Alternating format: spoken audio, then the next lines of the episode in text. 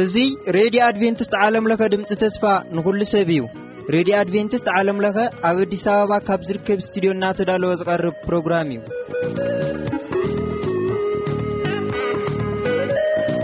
እዚ ትካተሎ ዘለኹም ረድኹም ረድዮ ኣድቨንትስት ዓለምለኸ ድምፂ ተስፋ ንኹሉ ሰብ እዩ። ሕዚስ እቲ ናይ ሕይወትና ቀንዲ ቁልፊ ዝኾነ ናይ እግዚኣብሔር ቃል ምዃኑ ኩላትኩም ኣይትዘንግዕዎን። እስቲ ብሓባር እነዳምፅ።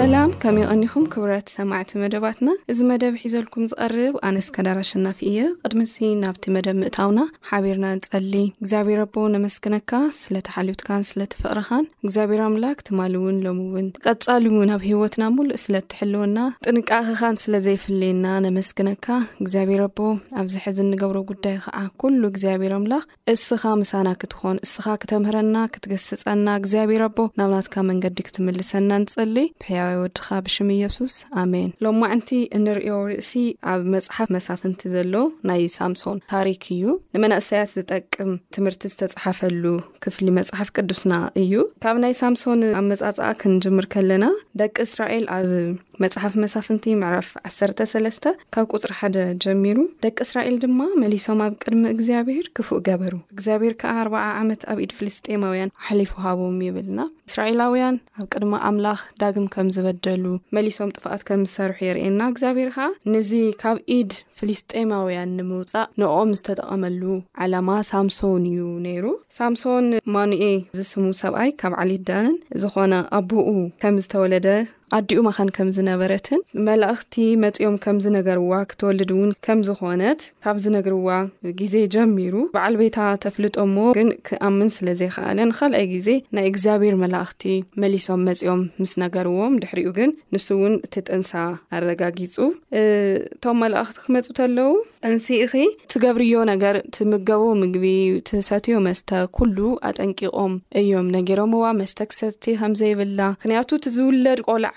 መፍትሒ እዩ ንእስራኤላውያን መፍትሒ ዝኾነ ቆልዓ ስለ ዝውለድ መሳፍንቲ ምዕራፍ ዓሰርተ ሰለስተ ቁፅሪ ሸውዓተ ግናኽ እንሆ ክትጠንሲ ኢኺ ወዲ እውን ክትወልዲ ኢኺ እቲ ቆልዓ ከዓ ከርሲ ጀሚሩስ ክሳብ መዓልቲ ሞቱ ናዝራዊ ኣምላኽ ክኸውን እዩ እሞ ወይንን ዘስክርን ኣይትስተይ ርኹስ ዘበለ እውን ኣይትብልዒ ከም ዝበላ ንርኢ እና ኣብዚ ናይ እግዚኣብሔር ዓላማ ንእስራኤላውያን ዝነበሮ ሳምሶን እዩ ካብቲ ነገር ነፃ ከውፅኦም ዝተሓለወ ኣብዚ እውን እቶም ኣቦኡን ኣዲኡን እቲ ካብኦም ዝግበር ዅሉ ዘበለ ከም ዝገበሩን ሳምሶን ከም ዝተወለደን ንርኢ። ሳምሶን ክውለድ ከሎ ምስ ጸጕሩ እዩ ተወሊዱ እና ድማ ጸጕሩ ምንም ከይገብርዎ ከም ዝነገሮም እውን ንርኢ። ኣቦኡ ኸዓ ነዚ ናይ ደስታ መግለጺ ቍጽሪ ዓሰርተ ትሽዓተ ማኖኣ ድማ ማሕስእን መስዋእቲ ብልዕን ወሲዱ ኣብ ከውሒ ንእግዚኣብሔር ኣዕረገሉ ይብለና። ሽዑ ማኖኡን ሰበይቱን እናርኣዩ ተኣምራት ገበረ ይብለና እና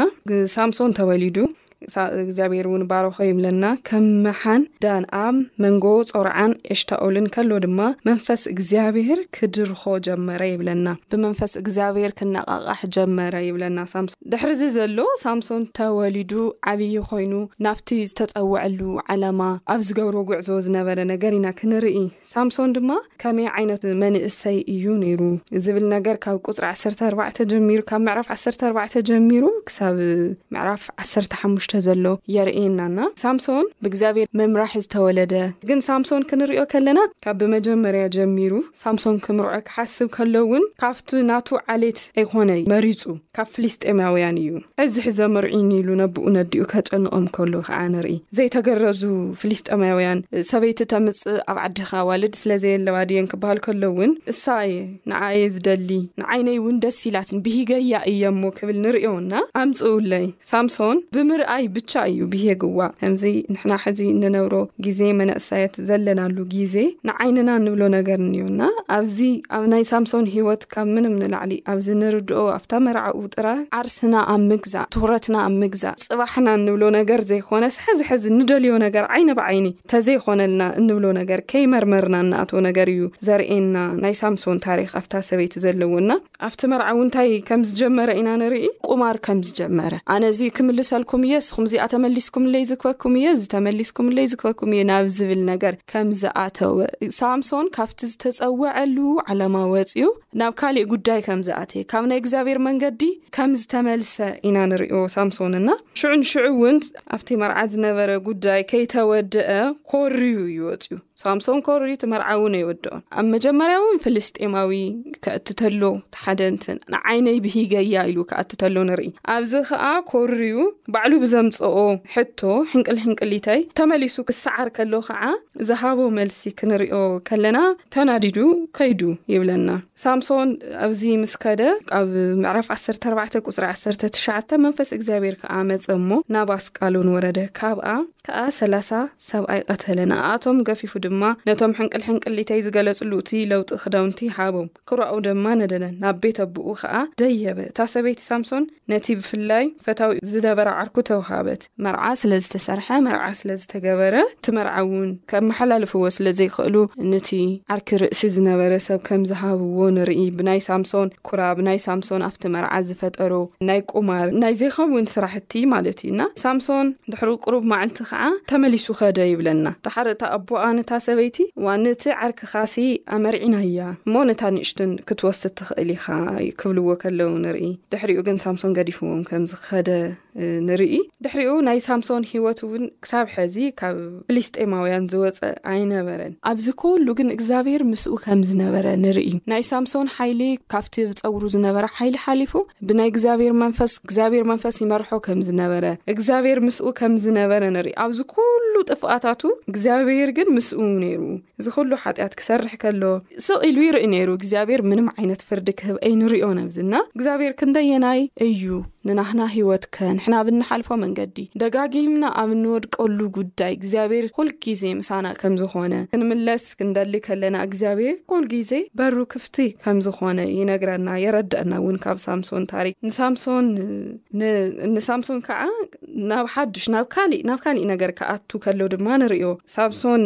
ናብ ጋዛ ከም ዝኸደ ተመሊሱ ከዓ ብቲ ትማሊ ዝወደቐሉ ትማሊ ዓይነይ ኢሉ ዝኣተወሉ ነገር ርኢናዮ ኢና ብኹራን ብዘይረብሕ ነገርን ገዲፍዎ በቲንዎ ክኸይድ ከሎ ንርኢ ኣብቲ ናይ መጨረሻ ዘሎ ታሪክ ናይ ሳምሶን ንሕና እውን ብሰፊሑ እንመሃረሉ ትምህርቲ ናብ ጋዛ ከም ዝኸደ ሓንቲ ኣመንዝራ ሰበይቲ ርእዩ እውን ናብኣ ከም ዝኣተወ ንርኢ ንሰብ ጋዛ ሳምሶን ናብዚ ኣትዩ በልዎም ምዕራፍ ዓሰርተ ሽዱሽተ ቁፅሪ ክልተ መጽሓፍ መሳፍንቲ ኣብ ደገ እታ ኸተማ ሙሉእ ለይቲ ድብቕ ኣንበረሉ፣ እንሆ ምስ በርሂ ቐትሎም ኢሉ ድማ ሙሉእ ለይቲ ስቕ በሉ። ሳምሶን ከዓ ፍርቂ ለይቲ ደቀሰ፣ ፍርቂ ለይቲ ምስ ኮነ ተሲኡ ነታ ማዕጾ ደገ እታ ኸተማ ምስ ክልተ ልዳውቱን ምስ መሸገሪኡን ሒዙ መንቈሶ፣ ኣብ መንኰብ ገይሩ ድማ ናብ ርእሲ እቲ መነጸር ኬብሮን ዘሎ ኸረን ኣደየቦ። ድሕሪዚ ኸኣ ኰነ፣ ኣብ ለሰው ሾሬ ደሊላ ዝስማ ሰበይቲ ፈተወ። እቶም ሹማምንቲ ፍልስጥኤማውያን ድማ ናብኣ ደዪሞም፣ ኣሴርና ኽንመልሶ ከመይ ጌርካ ከም እንኽእሎ፣ እቲ ዓብዪ ሓይሉውን ብምንታይ ምዃኑ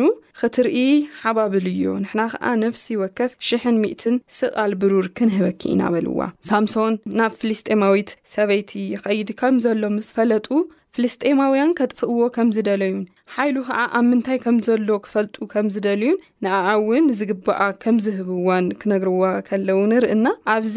ቁጽሪ ሽዱሽተ ደሊና ድማ ንሳምሶን እዚ ዓብዪ ሓይልኻ ብምንታይ ምዃኑ ኽትምለኽሲ ብኸመይ ከም እትእሰር በጃኻ ንገረኒ በለቶ። ኣብዚ ንሳምሶን ክትጥይቖ ተላ ብኸመይ ኢኻ ትዋረድ? ብኸመይ ኢኻ ክብርኻ ትስእን ተባሂሉ ክጥየቕ ተሎ ንርኢ ሳምሶን እና ሳምሶን ድማ ብሸውዓተ ሓድሽ ዘይነቐጸ ምራን እንተ ኣሰሩኒ እደክም ከም ማንም ሰብ ከኣ እኸውን በላ ምንም እንኳን ሓቂ ኣይንገራ ግን እስቲል ብኸመይ ኢኻ ትዋረድ እናተብሃለ ሰብ መልሲ ክህብ ከሎ ንርኢ ሳምሶን ኣብዚ ውን ክምልሰላ ከሎ ንርኢ እና ንሕና ውን ኣብ ሂወትና ኣብ ሕድሕድ እንገብሮ ነገር እንጥየቅ ቀጥታ ከም ሳምሶን ንከይንጥየቅ ንክእል ኢና ብፍላይ ከዓ መናእሰያት ክንኾን ከለና እዚ ሳምሶን ሐዚ ብታ ደካማ ጎኑ እዮም ኣትየምዎ ሳምሶን ሒዝዎ ዝተወለደ ዓላማ እግዚኣብሔር ኣብ ሳምሶን ዝነበሮ ዓላማ ዓብዪ እዩ ነይሩ ናብ ፍልስጤማውያን ክኣቲ ዘይኾነስ እስራኤላውያን ኣርባዓ ዓመት ዝተገዝእዎ ነፃ ከውፅእ እዩ ነይሩ እቲ ናይ እግዚኣብሄር ዓላማ ነገር ግን ሳምሶን ኣብዚ እንታይ ክገብር ንርእዮ ናብ ፍልስጤማውያን እውን ከምዝኸደ ካብቲ ዝተውሃቦ ዓላማ እውን ከም ዝተመለሰ ንርኢ ንሕና እውን ሕድሕድና እግዚኣብሄራዊ ሂወትና ዘለዎ ዓላማ ከይንሰርሕ ብንሪኦም ነገራት ኣብ ዓለም ብንንሪኦም ነገራት ዘብለጭልጩ ንዓይንና ስሒቦምና እንብሎም ሕድሕድ ነገርና ንምብላዕ ስሒቦምና ንብሎም ነገር ግን ንጥዕናና ውን ሰውነትና ምንም ዘይጠቕሙና ነገር ግን ንዓይንና ደስ ኢሎምና ብምባል ዝተኸልከልናዮ ነገር ከይትገብርዎ ዝተብሃልናዮ ነገር ዓርስና ምግዛእ ካብ ዘይምኽኣልና ኣብ ዘይኮን ነገር ክንወድቕ ከለና ንርኢ ንሕና ውን ሳምሶን ውን እና ሳምሶን ከምኡ ኢሉ መሊስላ ትኽክለኛ መልሲ ዋላ እኳ ይንበር ግን ከምኡ ኢሉ ክጥየቕ ተሎ ክነቅሕ ምኸኣለ ነይሩ ሽዑ ወዲያው መጺኦምዎ ግን ምንም ገብርዎ ከም ዘይኸኣሉ ረኣዩ ስዒርዎም ውን እታ ሰበይቲ ከኣ ደጊማ ሳምሶን ኣብዚ ካልኣይ ዕድል ነይርዎ እንታይ መጀመርያ ክጥይቆ ተሎ ዘይምስትውዓሉ እዩ ዘይምርኣዩ እዩ ክንብል ንኽእል ምኽንያቱ ሳምሶንስ ከምዚ ከማና ኣብዚ ዘለናዮ ዕድመ ወጣት ከም ዝነበረ እዩ ዝነግረና እና ዘይክነስተውዕል ንኽእል ኣብ መጀመርያ እንፈጥሮም ችግራት ኣብ መጀመርያ እንሰርሖም ዝተጋገዩ ነገራት ዘይክነስተውዕሎም ንኽእል ኢና ንካልኣይ ግዜ ግን ሳምሶን እብን እንኳን ከምኡ ክገብርዎ ተለው ክመፅዎ ከለው ምንቃሕ ይኽእል ነይሩ እዩ ዝተጠየቐሉ ዓላማ ምርዳእ ይኽእል ነይሩ እዩ። ግን ኣይገበሩን። እሱ እውን ኮይኑ ንኻልኣይ ግዜ ክጥየቕ ተሎ ከዓ ካሊእ ምኽንያት ክናገር ከሎ ንርኢ። ንሱ ድማ ገለ ዕዮ ብዘይተዓየሉ ሓድሽ ገመድ ኣፅኒዖም እንተኣሰሩኒ እደክም ከም ማንም ሰብ ከዓ እኸውን በላ። ተመሊሳ ንሳ ንሳ ንዓላማኣ እያ ትኸድ ነይራ። ንሳ ዓላማኣ እያ ትገብር ነይራ እና እየቋረፀትን ትፍትን ነይራ ደጋጊማ ትጥይቕ ነይራ እና ሳምሶን ከምኡ ገብርዎ ከለዉ ሐዚ ውን ክስዕርዎ ንምንታይ ዘይትነግረኒ ኢላ ዳጊማ ንሳልሳይ ግዜ ክትሓቶ ከላ ውን ንርኢ ኣይነገርካንን ክትብሎ ከላ ኣላጊፅካለይ ኢኻ ክትኩሪ ከላ ውን ንሪኣ ብዙሕ ምስ ኣድከመቶ ኮነ ኸኣ ኩሉ መዓልቲ ብዘረብኣ ላሕ ምስ ኣበለቶ ምስ ኣሳቐየቶ ነብሱ ኽሳዕ ሞት ተጨነቐት ይብለና ሳምሶን እብዚ ነብሱ ክሳዕ ሞት ዝተጨነቐትሉ ከመይ ከምዝሞትን ከመይ ከምዝዋረድን ንምንጋር እዩ እዚ ዝኣክል ጭንቀት ሓዲርዎ ዘሎ ሳምሶን እና ኩሉ ልቡ ኸዓ ገለጸላ ይብለና ኣነ ኻብ ከርሰደይ ጀሚረ ናዝራዊ ኣምላኽ እየ እሞ ናይ ልዕሊ ርእሰይ መላጽ ኣይሕልፍን ስለዚ እንተተላጸኹ ሓይለይ ካብ ካባይ ይኸይድ እደክም ድማ ከም ኩሉ ሰብ ከዓ እኸውን በላ ደሊላ ድማ ኩሉ ልቡ ከም ዝገለጸላ ምስ ረኣየት ነቶም ሽሞምቲ ፍልስጤማውያን ልኢኻ ጸውዐት በለቶም። ኵሉ ልቡ ገሊጽለይ እዩ እሞ፣ ሕጂ ደይቡ፣ በለቶም። ሽዑ እቶም ሹማምቲ ፍልስጥኤማውያን እቲ ገንዘብ ኣብ ኢዶም ሒዞም ናብኣ ደየቡ። ድሕሪኡ ኸኣ ንሳምሶን እውን ከም ዝሰዓርዎ። ሽዑ ሳምሶን ኣብዚ ክንርእዮ ተለና ሳምሶን እንታይ ከጋጥሞ ንርኢ ሳምሶን መጽሓፍ ቅዱስና እውን ዝገለጾን ብርግጽ ኣብ ጸጉሩ ከም ዘሎ እቲ ሓይሊ ጸጉሩ ከይላጸ እውን ከም ዝተብሃለ ንርኢ ኮይኑ ግና እግዚኣብሔር መንፈስ እውን ምስኡ ነይሩ ይብለና ብመንፈስ ቅነቃቃሕ ጀመረ ይብለና ኣብቲ መጀመርያና ሕዚ ግን ናይ እግዚኣብሔር መንፈስ መፁካ ተባሂሉ ክክበዕዎ ከለው ቅጥቅጥዎ ከለው ሳምሶን ክስዕሮም ኣይከኣለን እና ናይ እግዚኣብሔር መንፈስ ካብ ሳምሶን ከም ዝተፈለየ ሳምሶን ናይ እግዚኣብሔር ምሕረት ክርዳእ ብዘይምክኣሉ ሳምሶን ዝተፀወዐሉ ዓላማ ክርዳእ ብዘይምኽኣሉ፣ ናይ ሳምሶን ዓላማ እግዚኣብሔር ብኸምዚ መንገዲ ኣይነበረን። ሳምሶን ብኸምዚ ሕይወቱ ክውዳእ እዩ ዝተብሃለ ኣይኮነን። ክውለድ ከሎ ካብ ምውላዱ ጀሚሩ ብመላእኽቲ ዝተነገረሉ እዩ ነይሩ። ግን ናይ እግዚኣብሔር ዓላማ ምኽታል ስለ ዘይክኣለ በቲ ዝተውሃቦ ተደጋጋሚ ምሕረት እውን እግዚኣብሔር ብቲ ዝሃቦ ካብ ሓደ ክልተ ግዜ ዝተውሃቦ ናይ ምሕረት ዕድል እውን ምጥቃም ስለ ዘይክኣለ ግን ኣብ መጨረሻ ክስዕርዎ ከለዉ ንርኢ። ንሕና እውን ሎሚ ኣብ ህይወትና ብፍላይ መናእሰይ ኮይንና ኣብ እንሰርሖም ነገራት ካብ ሳምሶን ህይወት እንታይ ኢና እንመሃር? ሓደ ብተደጋጋሚ ኣብ ሓደ ዓይነት ሓጢኣት ክወድቕ ከሎ ንሪኦ ሳምሶን። እዚ ከኣ ብጣዕሚ ኣገዳሲ ጉዳይ ኮይንዎ ኣይኮነን። ንዓይነይ ንዓይነይ ዝብሎ ነገር ኣለዎ ሳምሶን። ደስ ኢላትኒ ደልየያ። ብቐሊሉ ዓርስና ምግዛእ ኣብ እንኽእለሎም ነገራት ነገር ግን ተደጋጋሚ ኣብ ሓጢኣት ክንወድቕ ንርኣ ንሕና እውን እና። ሳምሶን መጨረሽኡ ጽቡቕ ኣይነበረን፣ ናይ እግዚኣብሔር መንፈስ እውን ካብኡ ከም ዝተፈለየ ንርኢ። ፍልስጤማውያን ድማ ንእኡ ብምስዓሮም ሓጎሶም ክገልጹ ከለዉ ንርኢ። ብፍላይ መናእሰያት እንሓልፎ ዘለና ህይወት ናይ እግዚኣብሔር ምሕረት ዘይምስትውዓልና ኩልና ኩል ግዜ እግዚኣብሔር ንምሕረት ኩል ግዜ ድልው እዩ። ሓደ መዓልቲ ግን ናይ ምሕረት በርታት ዅሎም ይዕጸው እሞ ንስእኖ፣ ዕድሉ የምልጠና። ሳምሶን ከምቶም ናይ መጀመርያ ዝነበርዎ ዕድላት ምጥቃም ተዝኽእል ነይሩ። መጀመርያ እውን ካብ ዝሞተ እንስሳ፣ ካብ ኣንበሳ